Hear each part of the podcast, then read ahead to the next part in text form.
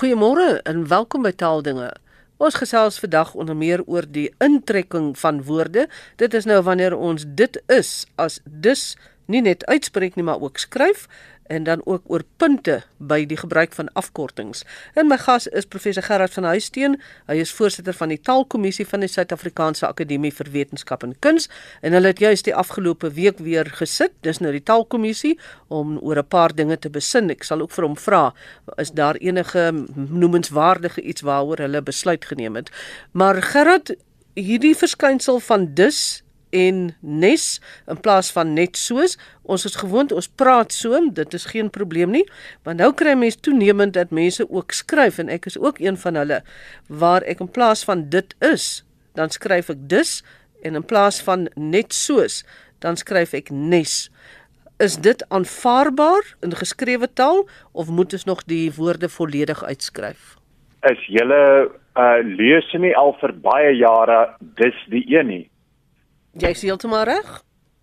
dan kan ons dit mos nou al vir jare lank doen. So Magdalene in die AWS staan albei van hulle opgeneem dis en nest wat implisiet beteken dat dit gestandaardiseerde Afrikaans is wat jy in formele geskrewe kontekste kan gebruik. So daar is op hierdie aarde niks fout daarmee nie. Dit is ook natuurlik 'n natuurlike verskynsel in taal. Ons kry dit in Engels. Iets, byvoorbeeld vir it is en jy sal selfs uh, uh, sien dat in formele dokumente praat mense van iets. Uh, nee, dit is nie it is nie. Dis iets.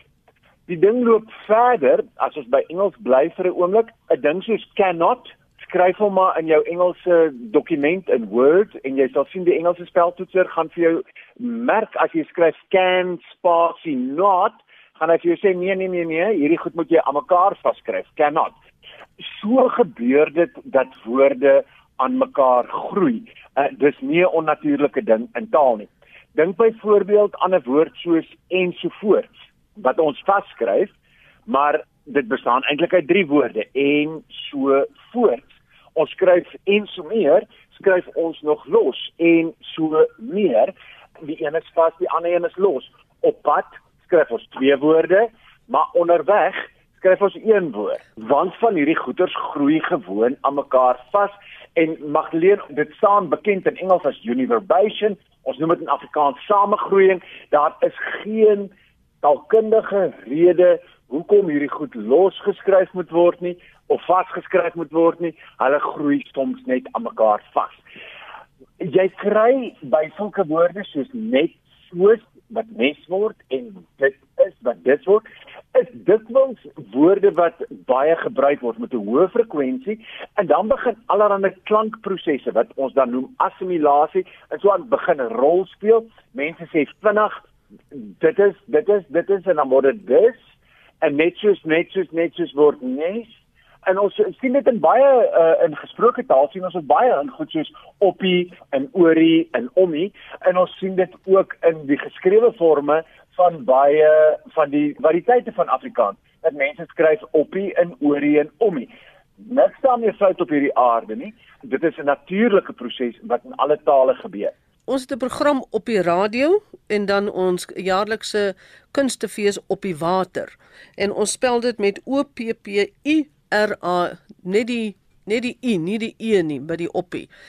Ons kan dit maar so skryf, dis amptelik, daar's niks meer verkeerd nie. Amptelik is nou natuurlik 'n groot woord want jy gaan hom nie in die AWS skryf nie, want in formele geskrewe standaard Afrikaans gaan jy nog skryf op die, nê. Nee maar in gesproke taal word dit op hier sonder meer.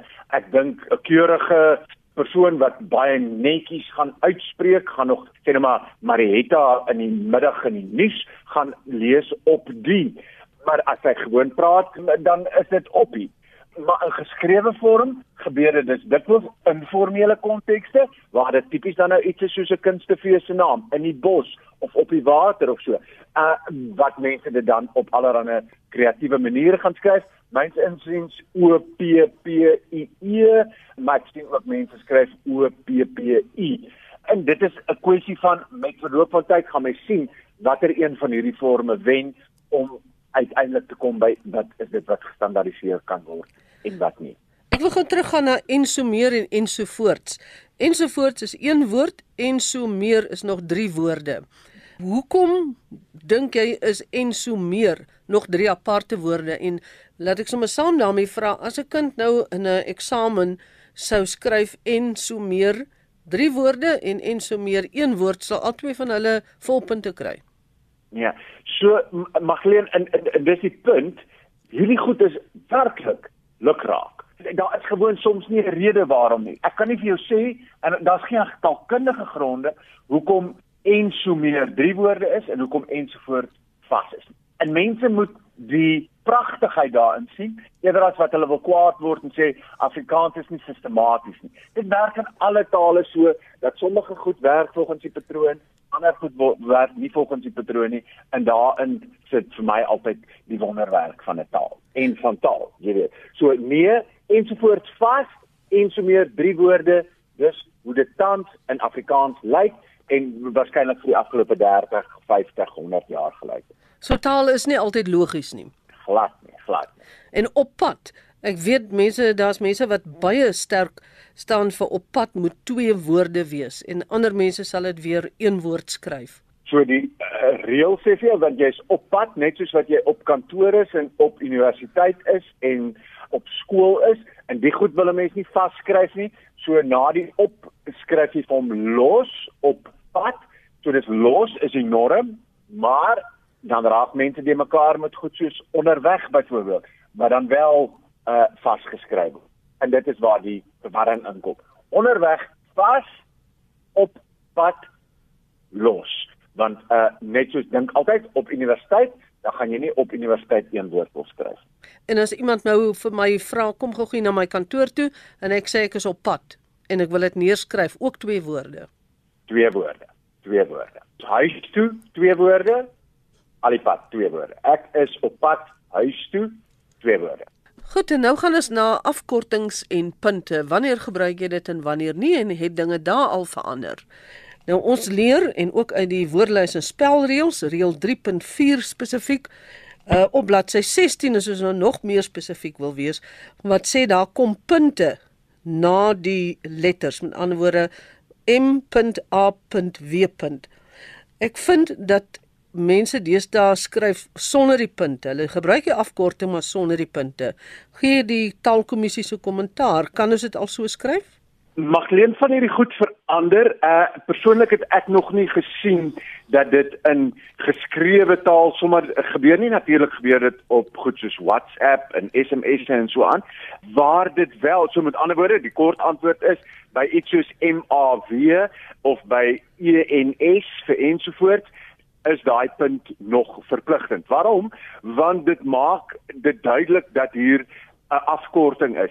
MAV met 'n net 'n W, MAV, dan kan iemand nou wonder, wel, weet hierdie ou nie om lekker te skryf nie. Eens beteken iets anders, né? Dis 'n vryery. Uh, hy het haar al geëens van uh 1996 af. Maar as daar 'n punt is, dan weet ons hier word iets anders bedoel. Die enigste plek waar daar regtig 'n uitsondering is by sulke afkortings is by die afkortings van titels en jy het nou baie mooi jou huiswerk gedoen Magdalene. Mens moet net nog twee bladsye aangeblaai het en by reël 3.13 staan dat voorletters en titels kan met of sonder punte geskryf word. So dit is nie verkeerd om te skryf meneer M en R sonder 'n punt.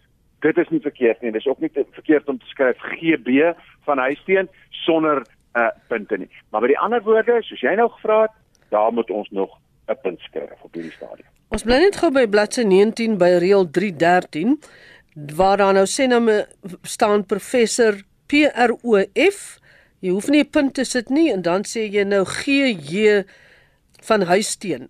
Daai G hoef ook nie 'n punt na te hê nie en die J ook nie. Kan jy daai G en J die voorletters met ander woorde ook aan mekaar skryf sonder punte? Aan mekaar skryf sonder enige punte, maar dan wel aan dan wel te mekaar skryf. Dit lyk baie vreemd as jy dan skryf G spasie B of J of wat ook al spasie. So ons skryf hulle dan aan mekaar vas. G hoofletter G, hoofletter B sonder enige spasie. Dan net terug na die AG, die as gevolg van daardie afkodes. Jy het gepraat van ens wat beteken vry en e.n.s. wat beteken ensovoorts. So daar well, maak dit en s. O, ekskuus, ekskuus. Uh, uh jy het nou verwys na die voorbeeld van ens waar die punt of die nuwe punt 'n betekenisverskil aandui. Maar wanneer jy nou by iets kom soos MBT met betrekking tot en jy laat die punte uit, daar gaan ons nou nie kan 'n betekenis uh, verwarring wees nie want daar is nie 'n woord soos MBT nie. Dit is so en dis hoekom ek vir jou sê op hierdie stadium nog sien mens dat hierdie goeders met punte geskryf word. Dis nog die huidige reël ook, nie net omdat uh die taalkommissie besluit dis die reël nie. Dit is ook omdat mense sien dit is hoe dit die algemeenste gebruik word. Maar 'n mens kan vir jouself dink dat oor 100 jaar van hier af dit kan verander. As jy dink in Engels byvoorbeeld uh Magdalene, dit moet eintlik streng gesproke wees e. G. nee, maar mens sien ook toenemend dat mense gewoon skryf EG. en dieselfde sou uh, by Afrikaans ook kon gebeur met sulke gevalle. Nou Gerard, dit is die tipe van dinge wat die taalkommissie oor besluit wanneer hulle nou hulle sittings hou en hulle die afgelope week weer 'n sitting gehad oor bespreking van woorde en hoe jy dit skryf en wat dit ook al is wat met die taal te doen het. Jy is die voorsitter van die taalkommissie. Het julle van hierdie tipe goed ook bespreek of wat was julle agenda die afgelope week?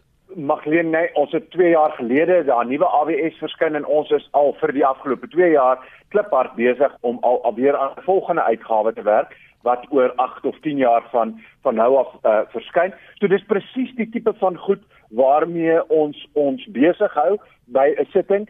So ons het nou vir ure en ure en ure deur die hele woordelys gesit en werk uh om uh dit meer sistematies te maak en om dit makliker te maak.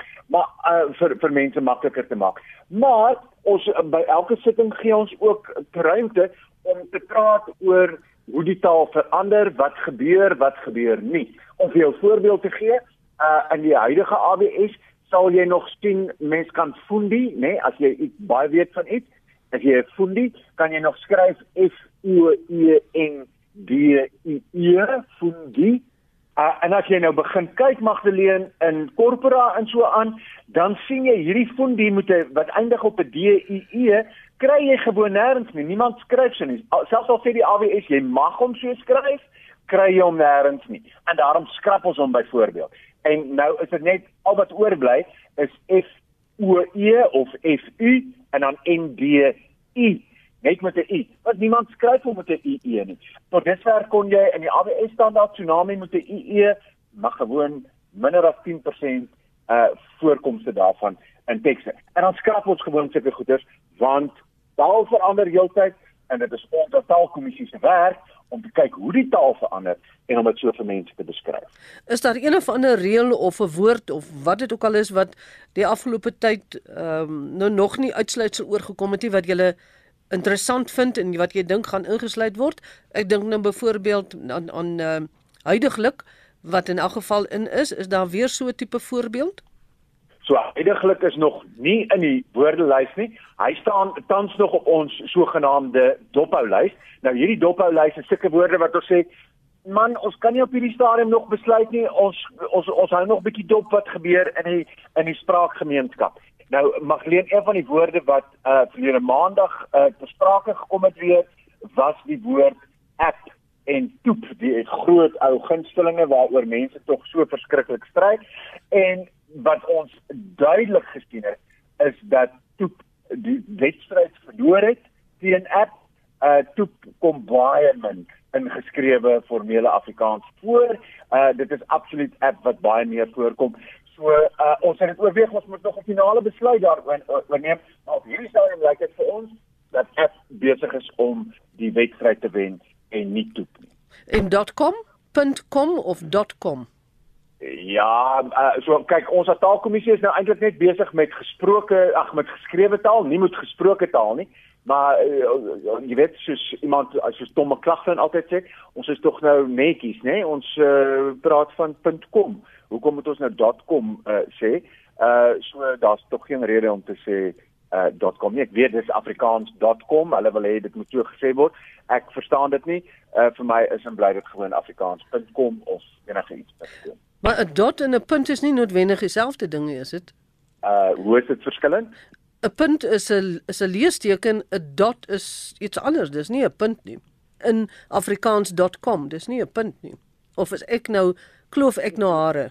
Uh, nee, ek dink jy kloof 'n uh, bietjie hare daar want uh uh three dots uh is in Afrikaans gewoon drie puntjies uh of so iets. Die lipstipel word drie punte genoem en in Engels dink praat hulle van three dots of so. So ek dink dit is bietjie uh hare kloof daar. En ons moet altyd onthou die een ding vertaal nie presies noodwendig van die een taal na die ander taal toe. Ek probeer nou maar net my gebruik van .com regverdig, maar duidelik het dit nie gehelp by die taalkommissie se voorsitter nie. En professor Gerard van Huisteen, baie dankie vir jou tyd en dit is dan professor Gerard van Huisteen, die voorsitter van die taalkommissie van die Suid-Afrikaanse Akademie vir Wetenskap en Kuns wat eers met ons gepraat het oor dis en nes en toe uh, so ietsie gesê het wat hulle die afgelope week bespreek het by die taalkommissie se sitting. En dis dan eers al vir vandag se taalprogram Magdalene Creer wat groet tot 'n volgende keer en moenie vergeet om in die geselskap van RSG te bly vir die res van die dag.